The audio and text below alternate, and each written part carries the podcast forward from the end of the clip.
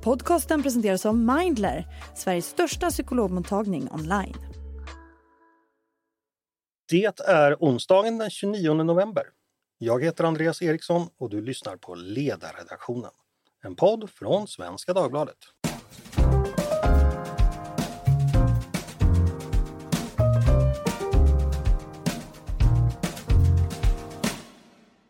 Varmt välkomna till oss igen.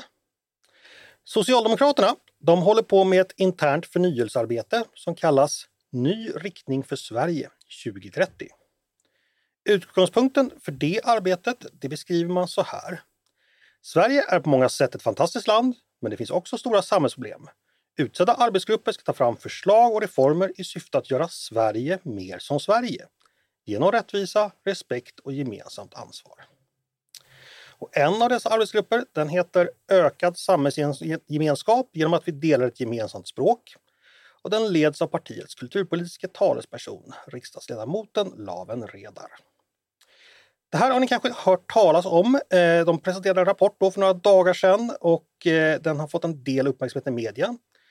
Det är en eh, ganska bred analys av samhällsutvecklingen och innehåller en del kritik mot hur politiken på diverse områden som exempelvis invandring, integration och segregation har förts. Både politiken i stort och hur det egna partiet har gjort.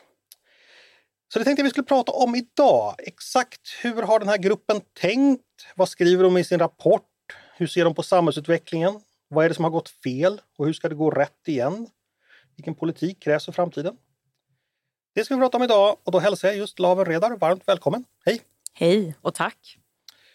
Du, eh, jag börjar med den här arbetsgruppen. Vad, vad, vad är det för uppgift ni har, ni har fått? Rubriken vi har fått redogjorde du för ökad samhällsgemenskap genom det gemensamma språket. Så vårt verktyg har varit det svenska språket för att öka den samhälleliga gemenskapen i Sverige. Och det vi har gjort då är att vi har först tittat på en målbeskrivning. Vad vill vi egentligen åstadkomma? Eh, för att i nästa led titta på vilka hinder, vad står i vägen för att uppnå den språkliga samhällsgemenskapen. Och sen har vi också gått så pass långt att vi har redogjort för det vi menar är ett existentiellt hot mot den språkliga samhällsgemenskapen i den här rapporten. Mm. Eh, och jag är glad över att kunna få presentera vad det är vi har landat i. Men nu börjar också det stora arbetet utifrån de här slutsatserna. Vad är det vi ska landa i för reformförslag? Varför är det just du som har lett den här gruppen? Du det? Ja, det får man fråga eh, partisekreterare Tobias Baudin och partiordförande Magdalena Andersson. Det är deras primära politiska linje som handlar om att vi som parti ska nu arbeta för att motverka, bryta segregationen i Sverige. Varav språket är en viktig del i det arbetet. Hur länge, hur länge har ni hållit på? Vi fick uppdraget i april, maj månad eh, och sedan dess har vi arbetat som arbetsgrupp och vi består av sammanlagt fyra personer. Eh, Maria Saeler som är oppositionsråd i Norrköping, Kristoffer Lindberg från Gävleborg, också ledamot i riksdagens kulturutskott och Paja Mola som är chefredaktör för eh, tankesmedjan Tiden. Och rent konkret, hur går det till när man jobbar med sånt här? Kan du berätta lite? Vad består arbetet i? Vi har fått väldigt fria tyglar, vilket jag tycker har varit väldigt kul. Så alla arbetsgrupper har ju haft eh, olika strategier för hur man tar fram sitt underlag och hur man har jobbat. Men vi landade nog tidigt i att vi, nu finns det otroligt mycket underlag att ta del av. Hur det ser ut med språket, hur man ska jobba med språkprogression. Vi besökte tidigt massa SFI-verksamheter och så började vi prata med människor om vad det är som sätter hinder för att man ska utvecklas eh, Okej, vilka, människor, språk. vilka människor pratar Inte minst de vi, vi träffade på de besöken vi gjorde på SFI-verksamheterna. Och då började vi nog se ett mönster av att vi, vi måste faktiskt påtala den förändrade demografin varav vi sökte oss till demografiska forskare. Vi tittade på eh, ekonomin, statsvetenskapen, hur man åstadkommer social kulturell sammanhållning. Vi vände oss till migrationsforskare, eh, kulturforskare. Så vi har liksom blandat studiebesök, praktiska besök och en ett gediget forskningsunderlag. Men när man pratar om språk och kultur så är det ju också alltifrån statsvetenskapliga teorier men en djup förståelse över den svenska historien och nationen Sverige. Vad är den gemensamma kulturen och hur kan den frodas i demokratisk riktning? Det är de frågeställningar vi har haft när vi har tittat på det här. Så med stark betoning på, på den forskning som finns idag men också en hel del studiebesök, inte minst i våra utsatta områden. Det här låter ju typ som tio doktorsavhandlingar samtidigt. Väldigt ambitiöst. Ja, jag tycker att det här uppdraget eh, ska tas på stort allvar. Dels för att eh, vi som sitter i den här arbetsgruppen menar att eh, integrationen har gått åt ett fel håll. Vi vet att segregationen har cementerats.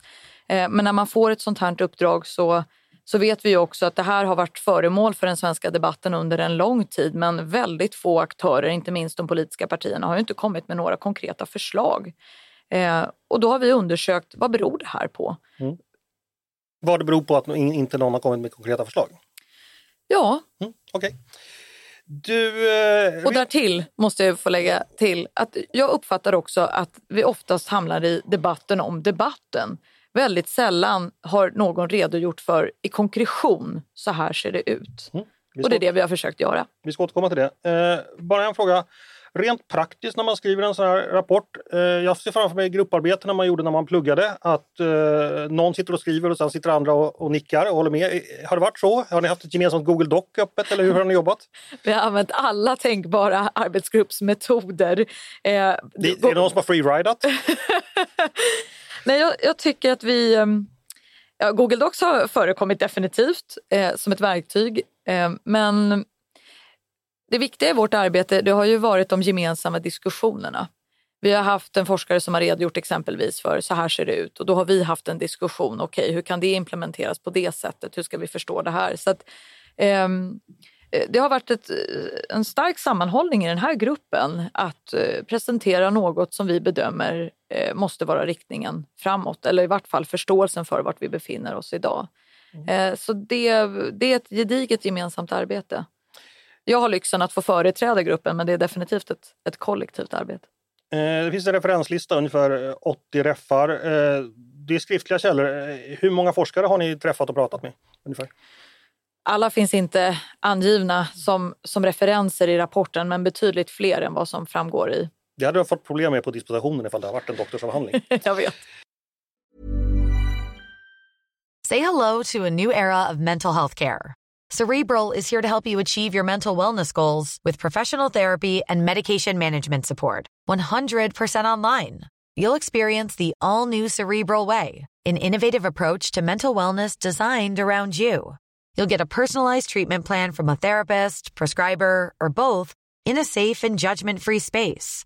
Your Cerebral therapist or prescriber will outline a customized plan with clear milestones along the way so you can get to feeling your best. With Cerebral, you're not alone in your mental health journey. We're here to empower you to live a fulfilling life. So take that first step towards a brighter future and sign up today at cerebral.com slash podcast and use code ACasts to get 15% off your first month. Offer only valid on monthly plans. Other exclusions may apply. Offer ends July 31st, 2024. See site for details.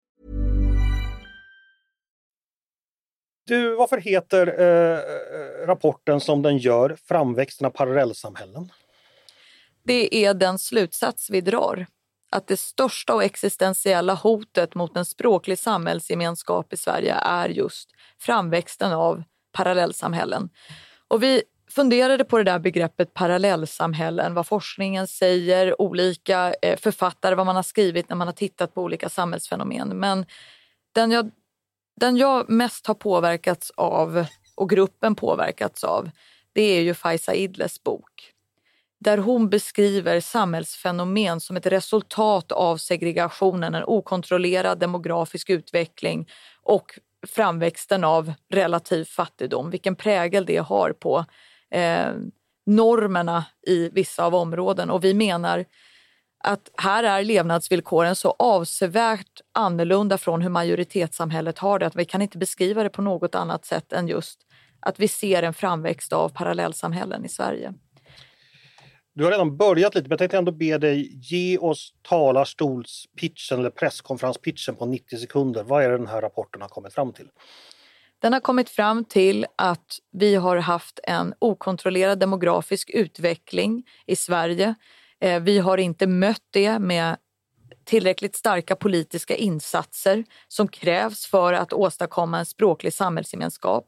Uppgiften har nästintill dumpats på SFI-verksamheter som, som inte kan möta de stora behoven. Vi ser parallellt med det här en framväxt av en oerhörd segregation. Eh, och segregationen har cementerats för att många nyanlända har just flyttat till bostadsområden som, som präglas av en relativ fattigdom, eh, undermåliga utbildningsresultat och alldeles för låg arbetsdeltagarfrekvens. Eh, utöver det här så ser vi ju också att ojämlikhetsutvecklingen har ökat i Sverige. Eh, parallellt med det här har det bedrivits en kraftig liberal ekonomisk politik som har privatiserat eh, de verksamheter som i samhället borde generera gemenskap och sammanhållning. Men de verktygen har inte politiken idag. Mm. Tack för det. Eh, då ska vi gå mer noggrant in på rapporten. Jag tänkte följa er diskussion ganska mycket hur ni resonerar. Eh, jag kan säga till er som lyssnar, den här rapporten eh, kan man läsa på Socialdemokraternas hemsida. Det kan faktiskt vara väl värt att göra det. Den har en ganska föredömlig disposition som man lätt kan hitta det man är ute efter. Ni skriver under mål så skriver ni att det är en samhällsgemenskap. Eh, och då skriver ni att eh, den, alltså samhällsgemenskapen, den formas när människor delar ett gemensamt språk, kulturella och historiska referensramar samt grundläggande sociala konventioner. Det här låter, tycker jag, ganska självklart så tillvida att det är så det har sett ut i Sverige och närliggande länder under lång tid. Är det här helt självklart för dig? Det är självklart för mig och väldigt mycket understryker just det. Att vi under efterkrigstiden hela vägen till 80-talet har haft en social och kulturell sammanhållning på grund av att vi har haft en väldigt homogen befolkning i Sverige. Nu har det ju växt fram ett ytterst heterogent eh, samhälle i Sverige och det gör i sig eh, inte att de här historiska referensramarna eller det gemensamma språket borde ha utmanats i den omfattning som det har gjort. Men segregationen är en tydlig faktor till att den här, de här delarna som krävs för att skapa en kulturell eh, samhällsgemenskap eh, utmanas. Mm. Du säger att det är självklart för dig. Tror du det är självklart för alla eller tror du att några skulle säga emot och i så fall vilka? Jag tycker några forskare har bidragit till eh, en förståelse för kulturens betydelse för att hålla ihop ett samhälle. Lars Trädgård är ett tydligt exempel på det. Jag tycker Katarina Barling har bidragit med det i sin statsvetenskapliga ja, De håller med dig. Jag frågade vilka är det som säger emot? Ja, um, de som inte förstår kulturen och språkets betydelse för, för samhällsgemenskap. Exempelvis? Ja, det är ju inte de jag redogör för i den här rapporten men eh, det, finns, men, nog, en, det finns nog en hel del människor som undervärderar kulturens betydelse. Och du vill inte ge några namn här? Nej, det känner jag inte att jag behöver göra. Okay. Jag delar i alla fall inte deras mm. uppfattning. Man kan invända mot att samhällsgemenskap kanske inte alltid behöver gemensam språk och kultur. Multietniska, mångspråkiga samhällen har ju trots allt funnits genom historien. Eh, du tror inte, eller varför tror du det inte är en framgångsväg? Det ska också sägas att vi har bedrivit historiskt en tydlig assimileringspolitik. Nu har vi också sanningskommissionen som har trätt fram och redogjort för hur man har behandlat våra nationella minoriteter i Sverige. Mm. Eh, och det är ju inte en assimilationspolitik som vi företräder utan den språkliga och kulturella samhällsgemenskapen bygger på idén om att ska man ha ett heterogent samhälle så måste vi ju mötas. Och sen ser vi ju också att eh, kraven på det svenska språket, inte minst på arbetsmarknaden, väsentligen har ökat. Inte minst inom välfärden där dokumentation med mera är grunden för att säkerställa liv och hälsa. Och när vi också pratar med Svenskt Näringsliv så menar man att kravet på det svenska språket kontinuerligt har höjts under den här tiden. I en globaliserad tid så utmanas ju små språkländer. Det ser vi kulturellt. Till exempel så streamar vi Netflix. Eh, majoriteten av det innehållet vi får ta del av är på det engelska språket. Eh, man måste sörja för att ett litet språkland, eh, språklands eh, kultur och språk, att det finns institutioner, verksamheter, företag som sörjer för det. Okay. Eh, men utöver det här så krävs det, alltså man exkluderas i samhället. Man blir inte en lika aktiv samhällsmedborgare om man inte får, har, har eh, ett starkt svenskt språk. Mm. Det är ju bara att fundera på i sin egen vardag. Hur långt kommer jag utan det svenska språket? Vi ska återkomma till språket. Eh, det här med att människorna delar ett gemensamt språk, kulturella och historiska referensramar samt grundläggande sociala konventioner. Om det är målbilden, hur långt ifrån den är vi idag skulle du säga? Ganska långt. Vi har tagit del av att det finns bostadsområden där det svenska språket är väldigt svagt. Det har bäring på hur det ser ut i öppna förskolan, förskolan, grundskolan. Vi ser också att stora grupper som exkluderas från arbetsmarknaden gör det också på basis av ett svagt svenskt språk. Mm. Så vi, vi, är inte vid den målbild vi har idag. Men och, och det... varför är vi inte vid den målbilden? På grund av en omfattande demografisk utveckling i vårt land. Många har de senaste 20 åren också kommit från länder som språkligt och kulturellt är långt ifrån Sverige. Och utifrån en ovilja att stigmatisera grupper så har man inte heller adresserat just att olika grupper har olika behov för att språkligt eh, utvecklas eh, i det svenska språket. Sen ser ju jag någonting som jag tycker vi väldigt sällan talar om. Det är ju att språkprogression eh, har ju tydlig koppling till utbildningsbakgrund också. Grupper som har en stark utbild utbildningsbakgrund har lättare att lära sig ett starkt eh, svenskt språk, kanske också för att man besitter ett starkt modersmål i antal ord. Eh, de grupperna som har ett svagt modersmål har också svårare att lära sig det svenska språket. Eh, och är man också från länder som kommer långt ifrån geografiskt sett eh, Sverige så blir den här uppgiften ännu svårare. Det vi har sett och det jag vill komma fram till det är att många elever i SFIs verksamhet som skrivs ut, som har befunnit sig i verksamheten kanske i 5, 6, 7, 8 år, skrivs inte ut primärt för att man kan det svenska språket väldigt väl, utan för att språkprogressionen inte sker. Och det är på grund av att man inte eh, har en läs och skrivkunnighet i grunden. Man kommer alltså från länder som är så eh, krigssargade att utbildningssystemet har trasat sönder. Och att tro då att den här gruppen som inte besitter läs och skrivkunnighet ska kunna progressivt utvecklas i språket i samma takt som alla andra, det är en ytterst stor felbedömning. Mm. Eh, ni har ett eh, ganska långt stycke under rubriken Gemenskap, svenska språket och dess hinder som har rubriken Demografi. Och där skriver ni så här, eh, ja du har redan varit inne på det, men den största samhällsförändringen under 2000-talet i Sverige är den förändrade demografin på grund av invandring. Sverige har gått från att vara en av västvärldens mest homogena länder till västvärldens mest mångfaldspräglade och heterogena land. Ni, ja, ni beskriver det här som en förändring. Vad är det konkret som den här förändringen har inneburit? Om vi börjar med vad det är som har hänt så är ju gruppen utomeuropeiskt födda den var år 1990 mindre än 200 000 personer i vårt land.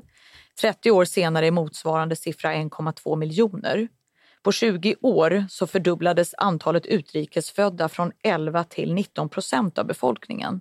Det har alltså skett en snabb demografisk utveckling av vårt land eh, på en väldigt kort tid. Eh, och det här gör att Sverige, vi är ett procentuellt större invandringsland än vad USA är idag. Den självbilden tror jag inte att många svenskar har kring vad, vad det är som faktiskt har hänt. Jag ska avbryta det lite kortare. Sverige är faktiskt ett större invandringsland idag än vad USA någonsin har varit. När USA hade som högst andel utlandsfödda 1910 eller något där, så mm. låg man lägre än vad Sverige ligger idag. Bara för att fylla på Mycket det du säger. Bra. Ja, men det, det förstärker liksom det vi försöker säga, men vi har gett uttryck för det här i rapporten. Mm. Eh, okay, det är det som har skett. Eh, 20 procent av svenskarna idag är utlandsfödda. Var tredje barn som föds i Sverige har en utlandsfödd mamma. Eh, har Sverige varit ska vi säga, politiskt förberett på den här förändringen? Det skriver vi i vår rapport att det har man inte. Varför inte? Eh, det har funnits olika utgångspunkter från olika regeringar. Den regeringen eh, vår nuvarande statsminister Kristersson satt i förberedde sig definitivt inte för den här utmaningen. Man ville, så det som beskrevs eh, tidigt var att man ville lösa försörjningskvoten i många av de kommuner som har en åldrad befolkning och att invandringen skulle lösa det. Ehm, det gjorde det ju uppenbarligen inte för att det vi kan se är ju att primärt så har nyanlända med låg utbildningsnivå flyttat till bostadsområden eh, där låginkomsttagare också bor. Eh, så det har snarare bidragit till en förstärkt segregation. Eh, vad den socialdemokratiskt ledda regeringen gör det är att man, man sätter stopp 2015 för eh, Europas mest liberala eh, migrationslagstiftning i en tid då det råder en stor migrationskris och Sverige menar jag lämnades ensamma i det här. Eh, men som svar på din fråga vi har inte varit politiskt beredda på detta sett till det resultat vi ser. För många har det gått väldigt bra. Det beskriver vi inte i rapporten. Vi skriver inte en rapport om hur bra det har gått för vissa grupper. Och vi kan också säga det att sedan 2015 så har inte minst på arbetsmarknadspolitiska området eh, integrationen och inträdet till arbetsmarknaden blivit betydligt bättre för de nyanlända. Vi har fler verktyg idag. Men för de grupper som är eh, i sina hemländer kanske som har kommit, som är lågutbildade, som kommer från länder som är djupt krigsdrabbade, inte har starka utbildningsinstitutioner som, som ett resultat av det. Eh, de grupperna har det gått rätt dåligt för. Mm. Och vi ser också en grupp som har befunnit sig i långvarig arbetslöshet sedan 90-talskrisen då vi gick in i en depressionsliknande fas när nästan arbetslösheten gick upp till 11,5 procent. Den gruppen som hamnade primärt i långtidsarbetslöshet var ju de grupperna som redan hade en otrygg position på arbetsmarknaden, många gånger utlandsfödda. Den gruppen har befunnit sig i en situation där man kanske inte heller någonsin kom tillbaka in i arbetskraften. Nu, nu beskriver du mycket på vilket sätt Sverige har varit politiskt oförberett. Min fråga var ju varför Sverige har varit politiskt oförberett. Därför att jag menar att man borde ha satsat betydligt mer på att stävja den polarisering som växer fram i befolkningen av att ha en hög arbetslöshet. Mm. Istället så vill man lösa försörjningskvoten med att liberalisera migrationslagstiftningen. Eh, vi frångår i Sverige målet om full sysselsättning och det är inte minst en kampanj som Svenskt Näringsliv bedriver för man upptäcker att man kan bedriva en låglönesektor istället och, och konkurrera låglöneanställda eh, istället mot varandra. Men för att stävja en polarisering som sker i befolkningen så måste man ju adressera den höga arbetslösheten primärt och segregationen. Det kan inte lösas med enbart en agenda kring en liberal migrationslagstiftning och eh, en liberal arbetskraftsinvandring. Eh, Svenskt Näringsliv, eh, deras förmåga att påverka svenskt samhälle har jag ganska höga tankar om. Däremot så är det, om tittar vi tillbaks till år 2000 så har vi haft en socialdemokratisk regering ungefär två tredjedelar av tiden. Så när jag frågar varför vi inte varit politiskt förberedda så tänker jag att möjligtvis även den socialdemokratiska regeringen kan ha vara orsaken. Absolut. Vi skräder inte orden när vi säger att alla regeringsbärande partier bär ett ansvar för att inte ha motverkat segregationen. Delmos rapport är som allra tydligast kring detta. Segregationen i Sverige ökar från 90-talet och framåt och de som bor i utsatta områden i Sverige idag är primärt utlandsfödda. Pratar vi om polisens lista kring eh, utsatta områden, riskområden och särskilt utsatta områden som är den högsta graden av utsatthet enligt polisens lista så lever uppemot 80 procent i befolkningen där. Eh, det är en ung befolkning men primärt utlandsfödda. Uppemot 80 procent har utländsk bakgrund. Mm. Say hello to a new era of mental health care. Cerebral is here to help you achieve your mental wellness goals with professional therapy and medication management support. 100% online.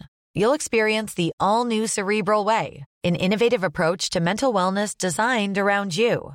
You'll get a personalized treatment plan from a therapist, prescriber, or both in a safe and judgment free space. Your cerebral therapist or prescriber will outline a customized plan with clear milestones along the way so you can get to feeling your best. With Cerebral, you're not alone in your mental health journey. We're here to empower you to live a fulfilling life. So take that first step towards a brighter future and sign up today at cerebral.com slash podcast and use code ACasts to get 15% off your first month. Offer only valid on monthly plans. Other exclusions may apply. Offer ends July 31st, 2024. See site for details. Ni skriver också så här att 2000-talets omfattande invandring har inte varit dimensionerad utifrån de materiella, kulturella och språkliga förutsättningarna.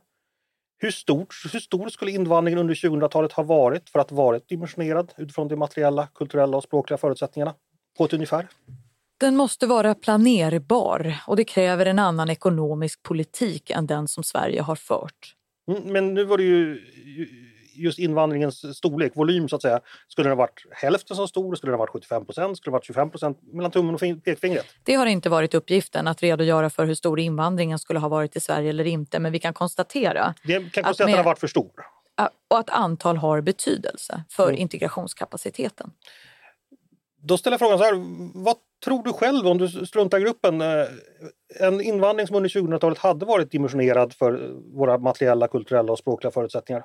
Ungefär vad hade den legat, borde den ha legat på jämfört med hur den var i verkligheten? Jag kommer inte att redogöra för några antal eller siffror för det har inte varit den här arbetsgruppens uppgift. Men jag kan konstatera att det råder en enorm brist på integrationskapacitet när alla kommuner inte fördelar ansvaret. När vi har haft en EBO-lagstiftning som gör att koncentrationen av nyanlända sker i vissa områden och att vi ser idag ett tydligt språkligt eh, språklig segregation. Mm, okay. Men den har varit för stor givet förutsättningarna. Eh, då är nästa fråga då. Varför har den varit det? För invandring är ju en politisk fråga. Det är politikerna ytterst som avgör hur stor invandringen är genom att reglera den eller påverka pullfaktorer. Varför dimensionerade politikerna inte invandringen utifrån de materiella, kulturella och språkliga förutsättningarna? Jag uppfattar att de statliga offentliga utredningarna som har pekat på insatser mot segregation har ju satt oss i svår, en svår politisk sits. Ingen har egentligen eh, förändrat i grunden de sociala och ekonomiska förutsättningarna som har föranlett den här segregationen. Eh, och ingen statlig offentlig utredning har egentligen stöttat politiken att kunna bidra till effektfulla integrationsåtgärder. Men lärdomarna finns idag. Och ny forskning tyder också på hur man kan åstadkomma det här. Men eh, det, det menar ju vi är, är en, en självreflektion alla partier borde ha. Mm. Eh, varför man inte har tagit den här uppgiften på större allvar. Jag tänker att eh, exempelvis... Sen kan man ju också säga så här. Det är ju väldigt tydligt politiskt vilka eh, kommuner som har haft en, ett, tagit ansvar för för invandringen till Sverige och vilka som inte har gjort det. Moderatledda kommuner har ju varit de som primärt har sagt nej till det här och det bidrar ju till att koncentrationen av nyanlända sker tydligt till vissa kommuner. Hade man haft en större statlig politik för att fördela ansvaret tydligare så kanske den här uppgiften hade varit lättare än vad den är nu när vi ser resultatet. Jag tänker så här, när Stefan Löfven tillträdde till stat som statsminister 2014, då hade ju ändå större delen av den period vi, vi pratar om gått. Borde inte han ha tänkt så här att är våra, våra kulturella, språkliga och materiella förutsättningar dimensionerade för den invandring vi har haft och ska ha framåt? Den frågan eh, verkar han inte ha ställt sig. Borde han ha gjort det?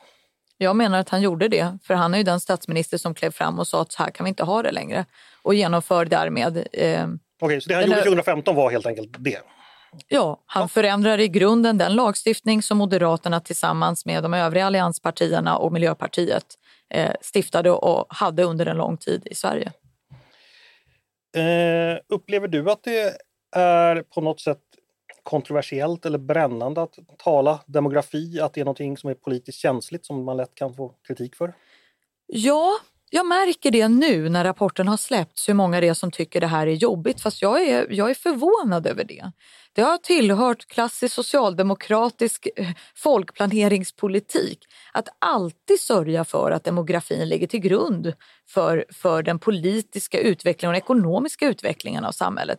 Det var ju inte minst demografiska förståelsen över produktiviteten som bidrog till att man eh, sörjde för kvinnors ökade arbetsmarknadsdeltagande och att man därmed byggde ut institutioner som offentlig barnomsorg och äldreomsorg för att kvinnorna lättare skulle kunna träda in i arbetskraften. Så eh, tittar man tillbaka på exempel som Gunnar Myrdal med mera så har ju demografin legat till grund för egentligen allt. Eh, men den har varit väldigt frånträdande i, i den politiska debatten eh, på senare tid. Och jag menar att det har en koppling till att vi har lämnat samhällsmålet om full sysselsättning. Okej, okay. bara så jag förstår. Eh, du blir alltså förvånad nu 2023 eh, över att det kan vara kontroversiellt att prata förändrad demografi utifrån invandring. Du, du har inte tänkt på det, lagt märke till det tidigare någon gång? Jag hoppas i alla fall tiden är mogen för att prata demografi. Jo, det, det, det kan det ju vara, så men, men, du har inte lagt märke till det tidigare. Det är nu 2023 du märker att det här är kontroversiellt. Eh, jag har ju faktiskt inte jobbat med integrationsfrågor tidigare. Det här är en ny uppgift för mig. Men, jag menar... men som riksdagsledamot kanske man snappar upp ett och annat? Ja, givetvis. Men när vi pratar om invandring, när vi pratar om ekonomisk produktivitet, när vi pratar om eh, samhällsgemenskap så måste man ju kunna ha en bild av hur det ser ut med befolkningens förutsättningar. Och jag tror det har funnits en välvillighet. Man vill inte stigmatisera olika grupper men det har varit felaktigt. Man måste prata om den demografiska grunden för, för sitt land.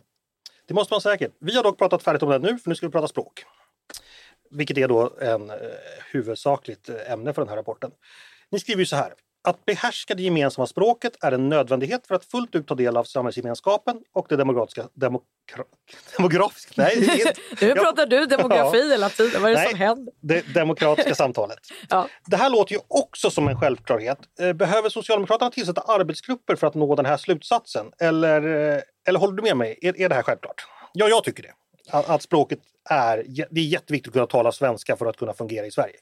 Jag skulle tycka det vore synd om man uppfattar att ta fram en ny samhällsanalys över vart Sverige befinner sig idag. Eh, att, det ska liksom, eh, att man ska håna den, det initiativet. Det var absolut inte min mening. Eh, nej, nej, men jag bara menar, för jag, jag märker en sån tendens. Det socialdemokratin gör nu det är, menar jag, väldigt modigt. Att våga beskriva samhället som det är och också våga säga att här har vi gjort bra saker men här har vi gjort mindre bra saker.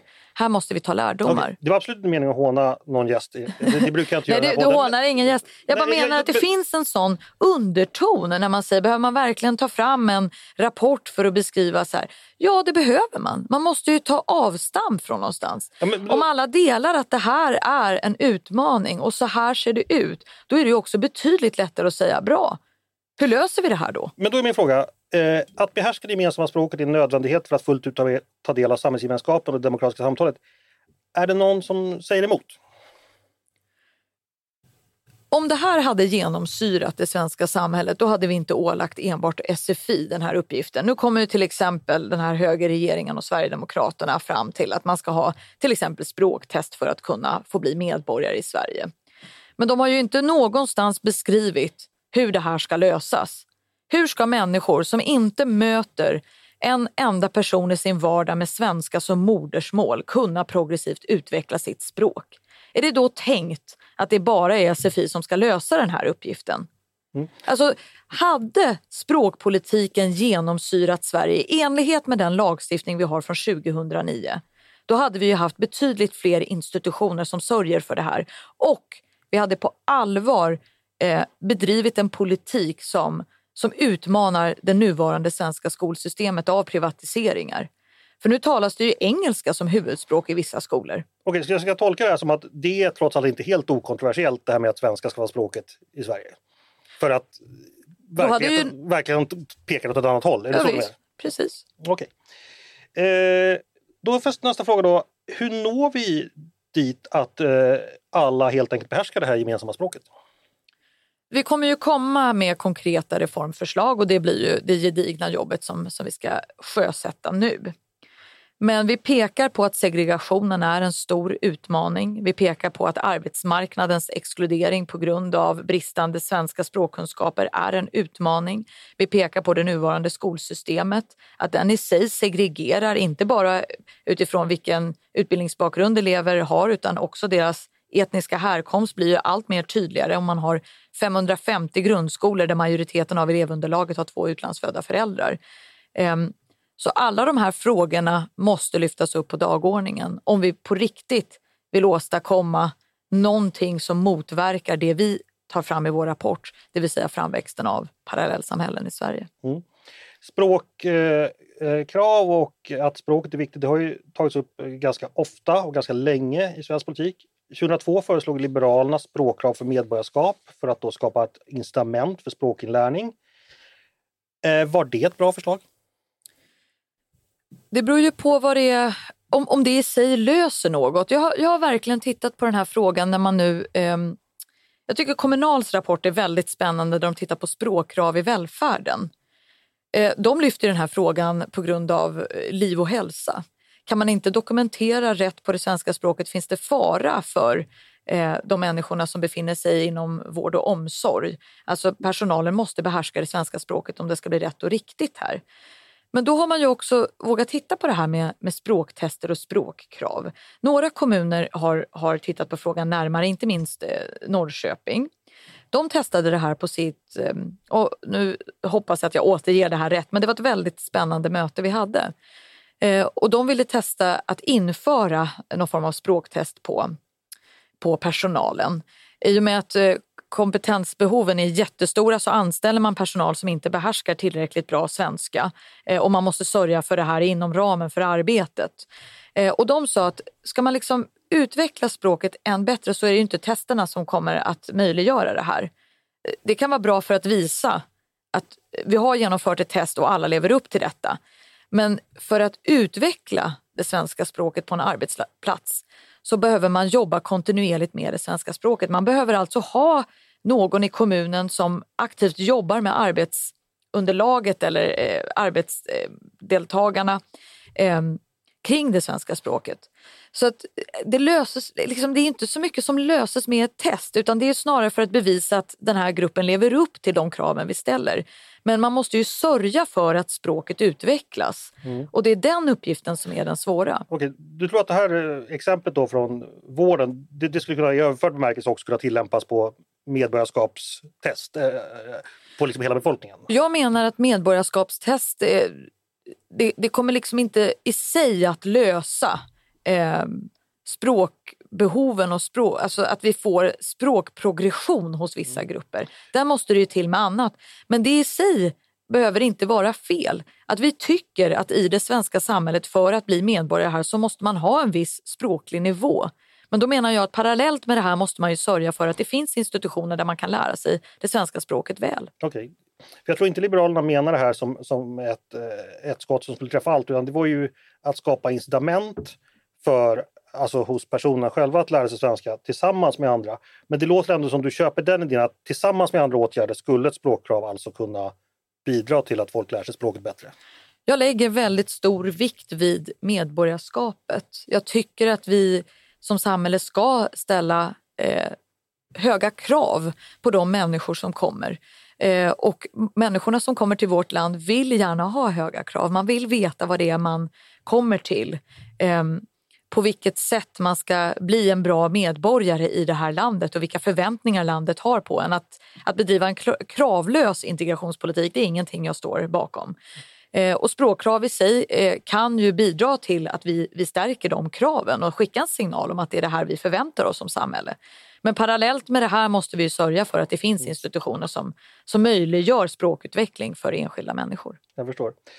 Tror du att Sverige hade varit i ett bättre läge idag ifall eh, språkkrav på medborgarskap hade införts 2002? Det är jag inte helt säker på.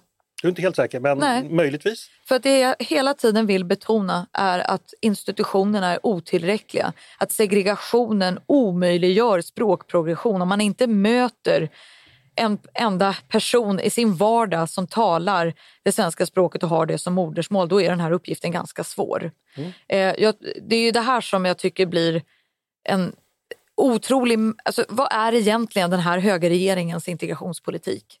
Jag begriper den inte. På vilket sätt ska människor lära sig det svenska språket? Alltså om vi har förskolor idag där 100 procent av elevunderlaget har utlandsfödda, två utlandsfödda föräldrar eller att man är utlandsfödd själv och personalen på förskolan inte heller behärskar det svenska språket tillräckligt väl. Ja, men hur ska den här uppgiften då genomföras? Alltså, menar man allvar med att majoritetssamhällets kultur och språk ska prägla hela det svenska samhället, då kommer vi inte ifrån eh, att vi behöver göra någonting åt segregationen. Mm. Och den ska vi faktiskt prata om nu, eh, för det ju, har ju också en eh, särskild rubrik i er rapport. När man tittar på segregation och ska mäta den, vad tittar man på då? Vilka variabler eller faktorer är det som, som är relevanta för segregation? Den segregationsforskning som har gjorts i det här landet och det Delmos har pekat ut det är ju framförallt att segregationen i Sverige idag den är rumslig. Det betyder att det råder en åtskillnad mellan låginkomsttagare och höginkomsttagare i vårt samhälle. Den ytterligare faktorn vi ser det är att eh, låginkomsttagarna i våra utsatta områden har primärt utländskt påbrå eller två föräldrar med utländskt påbrå. Så segregationen den är rumslig och de statliga insatser som, som har försökt motverka segregation eller främja integration har lett till att enskilda grupper har fått ett starkare kapital så att man kan träda in i arbetskraften. Eh, men det som händer är att man ofta flyttar ifrån de här områdena. Man har alltså inte gjort någonting åt den åtskillnad som råder mellan hög och låginkomsttagare. Tvärtom så kan vi se under de här 30 åren att eh, segregationen har cementerats mellan hög och låginkomsttagare. Jag tänker så här att bortsett från strukturella faktorer eh, som skapar segregation kan det också finnas något ganska mänskligt och förståeligt att människor också söker sig till lika, liknande människor, eh, mm. exempelvis som talar samma språk. Mm. fenomenet har man kunnat iaktta genom historien på många platser i olika tider. Eh, kan du också se att den viljan finns hos människor att helt enkelt söka sig till de som pratar som en, har samma seder, firar jul eller firar Ramadan eller Hanukka? Sådär. Självklart kan jag se det. Och det här, om man får vara personlig någon minut så eh, har jag pratat med mina föräldrar om det här. För båda är, eh, kom som politiska flyktingar till Sverige på 80-talet. Och jag frågade liksom, när, när händer det någonting där man liksom inser att, eh, att man blir kvar i ett land? Att söka sig till sina landsmän i det sociala sammanhanget kanske motverkar förutsättningarna för barnen att, att leva som jämlik i det nya samhället. Och min, mina föräldrar har ju beskrivit att det var, den frågan kom väldigt tidigt till dem för att de har tvingats, eller i alla fall min mamma har tvingats eh, leva i exil från den islamistiska regimen i Iran. Det fanns liksom ingen möjlighet att återvända och den insikten kom väldigt snabbt. Eh, för min fars del så, så eh, var ju Saddam-regimen i Irak den primära orsaken till varför han, han kom till Sverige och eh, även där var insikten också ganska tidig att, att Sverige är nu det hemland eh, som, som blir eh, deras. Och eh, eftersom jag är född i Sverige och min syster är född i Sverige så, eh, så blir, när den insikten kommer väldigt snabbt så inser man att då måste man börja beblanda sig med majoritetssamhället för att eh, man kan inte skapa någonting som inte leder till att barnen får goda förutsättningar. Men den insikten den är väldigt känslomässig och den är svår. För att eh, jag tror att alla som har tvingats till exil eller politisk flykt eh, eller eh, att fly från raserade hemländer alltid har en hemlängtan till någonting som aldrig kan bli. En, en oerhörd sorg över att eh, resultatet av livet blev så här och det är ju någonting som är väldigt mänskligt, väldigt djupt, väldigt svårt. Um, men ju snabbare den insikten når att barnen måste tillförsäkras jämlika förutsättningar, desto snabbare kommer man att se i invandrade grupper att man gör allt man kan för att, för att inte behöva hamna i situationer där det är hemlandets kulturella norm som präglar livstillvaron utan att det är det svenska majoritetssamhällets kultur som, som är det. Men det här är en fråga om empati, sorg, eh, ett liv i exil, drömmar som, som aldrig kommer att realiseras och en längtan efter människor som man aldrig får tillbaka. Mm. Eh, och att inte se det perspektivet av, av integrationen är, är också, tycker jag, rätt omänskligt. Men vi gör inte rätt som samhälle om vi inte beskriver att barnens framtid kan, kan på allvar hotas av eh, den här känslan av samhörighet till hemlandets liksom, eh, grupperingar i Sverige. Utan man måste sörja för att barnen får jämlika villkor som alla andra. Mm. För ytterst berör det här ju väldigt djupa politiska frågor med individens relation till, till det kollektiva eller till det mm. offentliga. Eh, det låter på dig som att eh, om det är så att man som förälder i Sverige man fortfarande känner samhörighet med sitt, eh, sitt gamla land, man längtar fortfarande tillbaka och så, där, så är det ändå någonstans att det offentliga ska ändå säkerställa att ens barn ska kunna bli... Om man inte vill att ens barn ska integreras då är det ändå det offentliga som ska sörja för att för barnets skull att liksom dra det in i den nya gemenskapen. Ja, för vad är alternativet? Ja, alternativet är att man bildar enklav och fortsätter leva i Sverige som Ja. I en parallellsamhällskultur? Ja, det, det är alternativet. Ja, det menar jag måste motverkas med all kraft. Även fast folk så att säga har, som du beskriver, en fullt förståelig önskan ibland att kanske vilja fortsätta leva. Så. Det har inte tjänat någon väl att inte beskriva att nu är den nya tillvaron i Sverige. Och de grupper som fick det medskicket i, tidigt i sin integrationsprocess i Sverige har varit väldigt tacksamma för det. Så även om det är smärtsamt initialt så, så är man tacksam för det. Och det har jag ofantligt mycket exempel på. Men det låter som inte alla grupper har fått det medskicket när du säger att vissa grupper har fått det. Vissa grupper har fått det, men det handlar ju också om vad det är man sörjer för som samhälle. Om det enda alternativet man har det är att flytta till låginkomsttagarområden i brist på kapital. Många av de som har kommit till vårt land har inget kapital att kunna köpa hus eh, där majoritetssamhället bor. Ja då blir ju det enda alternativet att flytta till låginkomsttagarområden. Jag menar, mm. Någonstans måste ju det individuella ansvaret mötas med det samhälleliga ansvaret. Okay. Men det här medskicket att man ändå ska integreras och att man är välkommen in och att man ja, inte ska hålla kvar sina barn i det som kanske är en förlorad värld.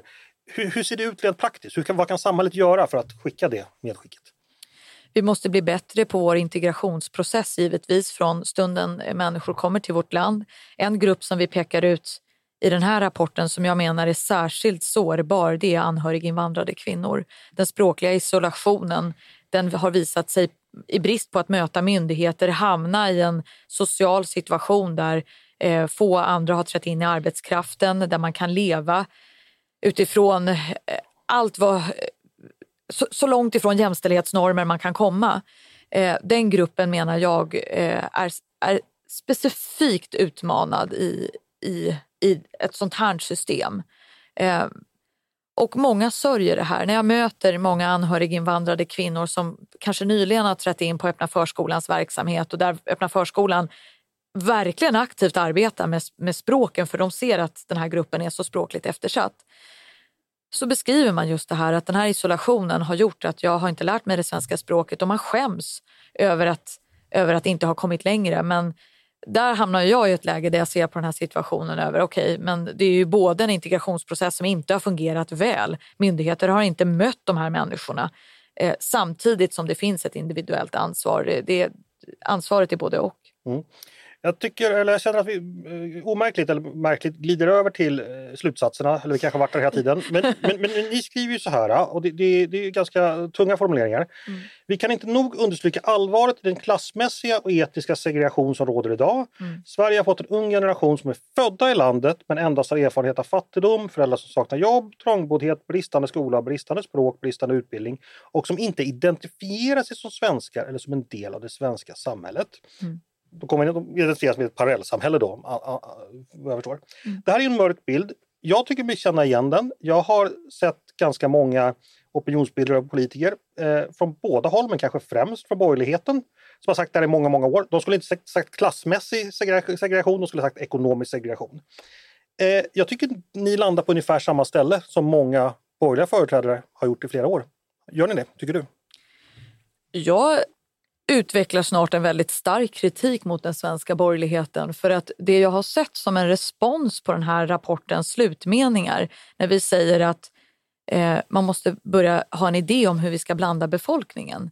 För att vi kanske... Vi kommer dit. Men ja. du får frågan, känner du igen att ni hamnar på ungefär samma punkt där många borgerliga företrädare redan har varit? Och, men även folk till vänster. Det är uppnåeligt om vi ser samma bild, att kunna genomföra en integrationspolitik brett över partigränser. Men det här var ju lägesbeskrivningen, att ni hamnar i samma lägesbeskrivning som tidigare har kommit från borgerligt håll. Köper du den bilden? Eller ser ni någonting helt nytt? Jag vet inte om svensk borgerlighet helt och hållet är där. Jag hoppas att de är det och vi är definitivt där. Men du känner inte igen att det här är en bild som, att liknande bilder har målats upp från borgerligheten? Det är ingen bild du känner igen? Jag tycker de som har beskrivit den här bilden är ju människor som bor i de här områdena själva. Okay. Det, det är därifrån vi hämtar det här eh, specifikt. När vi pratar med unga, när vi har besökt fritidsgårdsverksamheten, när vi har besökt öppna förskolan, när vi har besökt förskolorna. Att jag ser väldigt tydligt att man, man tar tydligt avstånd från det svenska samhället. Men vi har också kriminologisk forskning som har tittat på det här eh, som beskriver framväxten av subkulturer bland unga där man tar avstånd från det svenska samhället. Okej, okay, eh, men då är jag med. Då, då, då, men vet du, jag tycker din fråga är intressant. Eh, har svensk borgerlighet ägnat mer tid åt den kulturella förståelsen av segregationen? Och det får man ju ge dem att kultur har haft en väldigt stor prägel i den debatten som den Nej, svenska borgerligheten det var inte, det var inte, har haft. Var. Det, var, det var om man har samma eh, lägesbild, för jag nämnde också det ekonomiska där i. Att både det kulturella och ekonomiska kanske samverkar till och med. Att borgerligheten har varit där min idé var att det hade framförts av borgerliga företrädare tidigare. Du sa att du inte kände igen den bilden. Så att, då är jag med, vi behöver inte Jag tycker oss. din fråga tangerar ju eh, liksom... Är det här bara en kulturell fråga eller är den också en ekonomisk? Vad är det borgerligheten egentligen beskriver? Jag delar, min slutsats är så här. Jag är väldigt nyfiken på svensk borgerlighet. Det har jag varit hela mitt liv och det kommer jag fortsätta vara hela mitt liv. Eh, jag är nyfiken på politik generellt. Då ska du lyssna på den här podden. det är bra. Och jag, jag håller liksom inte med om något de presenterar för att jag tycker inte att det finns gedigna lösningsförslag. Jag tycker att kulturen har en stor vikt vid att förstå samhället, historien eh, och den sociala sammanhållningen. Det är klart den har det. Men Borgerligheten har under en lång tid beskrivit att eh, det demokratiska majoritetssamhällets normer eh, representeras inte i alla Sveriges områden. Men så fort man pratar om att ja, men hur ska vi uppnå det här då? Är det inte genom att blanda befolkningen? Då, då säger man absolut nej och så vill man bibehålla den segregationen som är. Du, du ska snart få tala om, om blandning av befolkningen. Eh, det ska vi avsluta med. Men innan dess vill jag bara ett spår här. Man kan ju inte prata om de här ämnena utan att nämna två bokstäver, nämligen SD. Eh, för du sa i en intervju i Aftonbladet tidigare i veckan så här. När SD klev in i den nationella politiken 2010 behövde alla partier markera mot dem. Det har omöjliggjort en seriös integrationspolitik och debatt. Eh, vem, var, hur omöjliggjordes den seriösa integrationspolitiken och debatten av SDs inträde? Vi behövde alla partier markera mot ett extremnationalistiskt parti Eh, och det har alla partier gjort. Men eh, det har kanske lett till att man inte har eh, själv formulerat en tillräckligt vass integrationspolitik. inte det ett ganska konstigt sätt att markera mot ett extremnationalistiskt parti att själv avstå från att ha en integrationspolitik? Nej, det, det ser jag faktiskt i de allra flesta europeiska länder där extremnationalismen har trätt in i den nationella då, politiken. Att de andra partiernas frånvaro i debatten om hur man ska sörja för en god integrationspolitik eh, inte har gjorts. Okay, jag, har ju tittat jag, jag, på flera europeiska exempel, till exempel Frankrike, mm. Tyskland med mera. Vad är det man vill uppnå? Många av de här länderna har stora problem med segregationen och framväxten av parallellsamhällen ja, och en ungdomsgeneration. Jag, det. Det, det, som... jag menar med normativt, hade det inte varit bättre att själv utveckla en integrationspolitik istället för att avstå från att göra det som en markering mot SD? Det är det vi håller på med nu. Ja, men hade det varit bättre att göra det redan 2010? Det hade varit bättre att bedriva en aktiv integrationspolitik och en kamp mot segregationen alltid i Sverige. Vems fel är det då att partierna valde att markera mot SD på ett sätt som gjorde att integrationspolitiken och debatten omöjliggjordes? Jag kommer hela mitt liv att markera mot ett extremnationalistiskt parti som vill polarisera befolkningen, som senast den här helgen försöker sätta likhetstecken mm. mellan svenska muslimer och islamister. Ja, det, men... det, här är ju ingen lösning på något. Nej, och nu, tror, men, men, nu ska de alltså säga att återinvandring ska lösa en situation där svenska medborgare inte känner sig som en del av det svenska samhället på grund av den framväxten av en enorm segregation. Jag, jag eh. förstår det, men i och med att vi tidigare sa så här att seriös integrationspolitik och debatt omöjliggjordes av SDs inträde för att det var en del av markeringen. Och du sa att det finns i många länder, så det är förståeligt, det finns en logik bakom det här. Men om det ändå blev fel, vems fel var det? Vem ansvarar för att det blev så här? Jag tycker alla demokratiska partier har en stor självläxa och hemläxa att göra. Och jag menar att vi är det parti nu som kliver fram och säger att vi är beredda att göra den hemläxan. Och bara den hemläxan, om då vi sätter alla politiker framför svarta tavlan och ska skriva samma sak hundra gånger. Hur lyder den hemläxan om du får sammanfatta det till den meningen de ska tvingas skriva? Ta fram en sån här rapport som beskriver hur Sverige ser ut idag och hur man ska uppnå språklig och kulturell samhällsgemenskap och lägg fram då reformer på hur det här ska möjliggöras inför framtiden för att öka samhällsgemenskapen i Sverige. Som gammal kommunikationskonsult så väljer jag att sammanfatta det som gör det jag har gjort. ja, det är ett försök i vart fall för att göra någonting riktigt som hos många uppfattas inte ha gjorts riktigt. Du, vi ska snart sy ihop det här, men vi ska avsluta med er avslutning då, som är en riktig cliffhanger. Eh, rapporten avslutas tackar, tackar. så här. Den ekonomiska, etniska och språkliga segregationen behöver brytas på ett strukturell nivå, vilket kräver att befolkningen blandas. Samhället kommer behöva genomföra insatser vi tidigare inte gjort i en skala vi tidigare inte sett. Jag kan nästan sätta en trailer på det här och ha den här klassiska trailerrösten. In a time where all was lost. Så. Eh, hur blandar man en befolkning? Jag återkommer med reformförslag. Men eh, alla företrädare som nu säger att det här inte ska göras tycker jag synliggör sig själva. Det vill säga man vill upprätthålla segregation och parallellsamhällen gå tillbaka till den här diskussionen vi hade om svensk borgerlighet som under en så lång tid har pratat om majoritetssamhällets kultur, att den måste prägla hela samhället och ändå är man inte beredd att göra någonting åt den segregation som har skapats som framväxten av parallella samhällskulturer. Någonstans måste ju insikten finnas hos alla politiska partier att någonting nytt ska till. Och det är den hemläxa vi tar oss an nu. Vi vill göra någonting åt det här. Jag tror inte på att vi kommer göra det på ett år, två år, tre år, en mandatperiod eller två. Men den långsiktiga politiken måste präglas av att den demokratiska majoriteten, majoritetskulturen ska prägla alla delar av Sverige, vart helst du bor. Och då kan man inte avskaffa de samhällsverktyg vi har för att åstadkomma det här, som skolan, som målet om full sysselsättning, en aktiv ekonomisk politik för arbetsmarknaden eh, och bostadspolitiken. Okej, eh, jag plockar i alla fall upp några svar här. Eh, min fråga var då, hur blandar man en befolkning? Du talar om att borgerligheten har gjort fel, men det verkar ändå finnas någon lösning i klassisk socialdemokratisk socioekonomisk politik, låter det som. Är jag fel ute då? Att det är åt därifrån hållet du fiskar? Vi måste ju ta ett grepp om Sverige och det är svårt att hitta inspiration från andra länder. Men vi genomförde ett studiebesök till Danmark och frågade hur de har valt att ta sig an den här uppgiften. Och då har ju Vänstre och socialdemokratin landat i att man tar fram en så här parallellsamfundslista där man tar sociala, arbetsmarknadspolitiska, utbildningspolitiska åtgärder och sen då bostadspolitiken genom allmännyttan för att, eh, att jobba på det här sättet. Jag vet inte om det här är möjligt i Sverige men några av de reformförslagen som de har tittat på är ytterst intressanta för att öka eh, språkets status i bostadsområdena. Exempelvis, eh, om jag får nämna några exempel, nu säger jag inte att vi ska föreslå det men vi, vi tittar på det för att det är intressant. Obligatorisk förskola för vissa grupper. Vi vet att 15 000 barn i vårt land eh, inte går i förskolan. Vi vet att majoriteten av dem har två utlandsfödda föräldrar. Vi vet att de här barnen förmodligen kommer att ha sämre utveckling i grundskolan och kanske inte ens kunna klara av gymnasiet om man inte har gått i förskolan. Det man har gjort i Danmark är att man säger att den obligatoriska förskolan ska gälla från tre års ålder i de här utsatta områdena.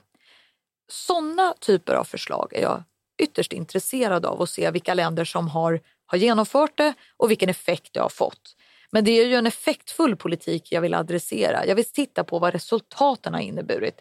Eh, och jag har inte träffat pedagoger på en enda, en enda öppen förskola när jag ställer frågan, det här med obligatorisk förskola, är det, är det någonting politiken borde titta på? Då blir det väldigt tyst. De säger att det är en politisk fråga. Ja, men ni som är och besitter kompetens på det här området, vad tycker ni? Blir jobbigt för det är fortsatt en politisk fråga, men det nickas. Mm. Man förstår att sådana här typer av sociala utbildningspolitiska insatser definitivt har betydelse. När kommer ni med de konkreta förslagen? I slutet av våren 2024.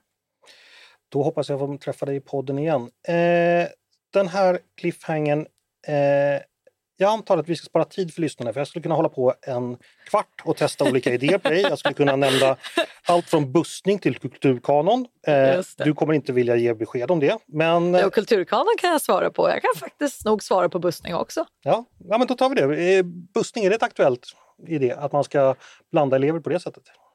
Bussning ser jag som en eh, kortsiktig insats för nödvändiga behov. Men långsiktigt är ju det här ett ohållbart system att hålla på och bussa elever. Jag ställer mig nog relativt negativ till, till det här.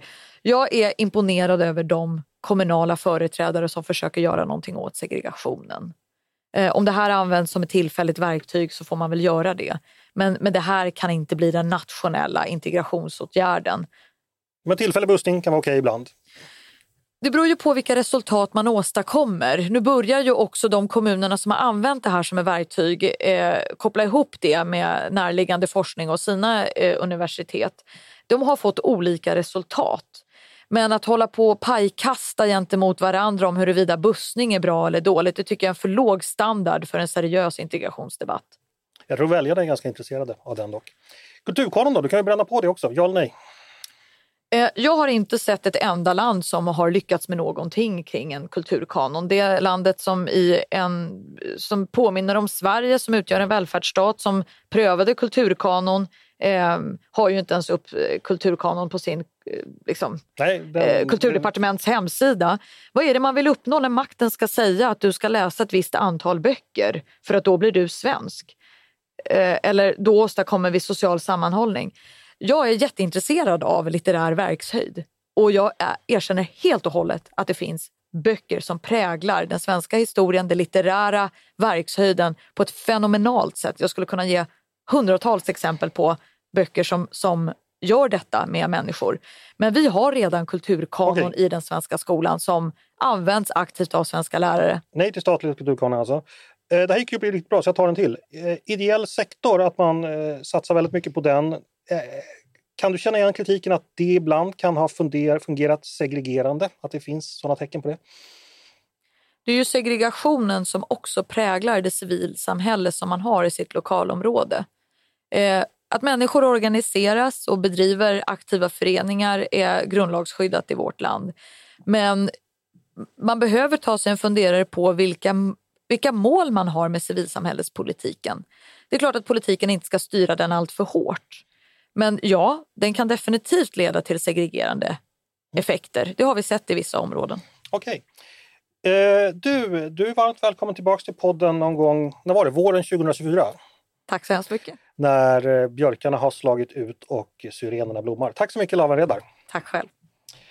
Och tack också till er som har lyssnat på dagens avsnitt av Ledarredaktionen. En podd från Svenska Dagbladet. Ni är varmt välkomna att höra av er till redaktionen med tankar och synpunkter på det vi precis diskuterat. Jag misstänker att det är ganska många som vanligt som har funderingar kring det här. Men också om ni har idéer och förslag på det vi ska ta upp i framtiden. Då är det bara att mejla till ledarsidan snabel svd.se. Dagens producent, han heter som vanligt Jesper Sandström. Själv heter jag som vanligt Andreas Eriksson och jag hoppas precis som vanligt att vi hörs snart igen.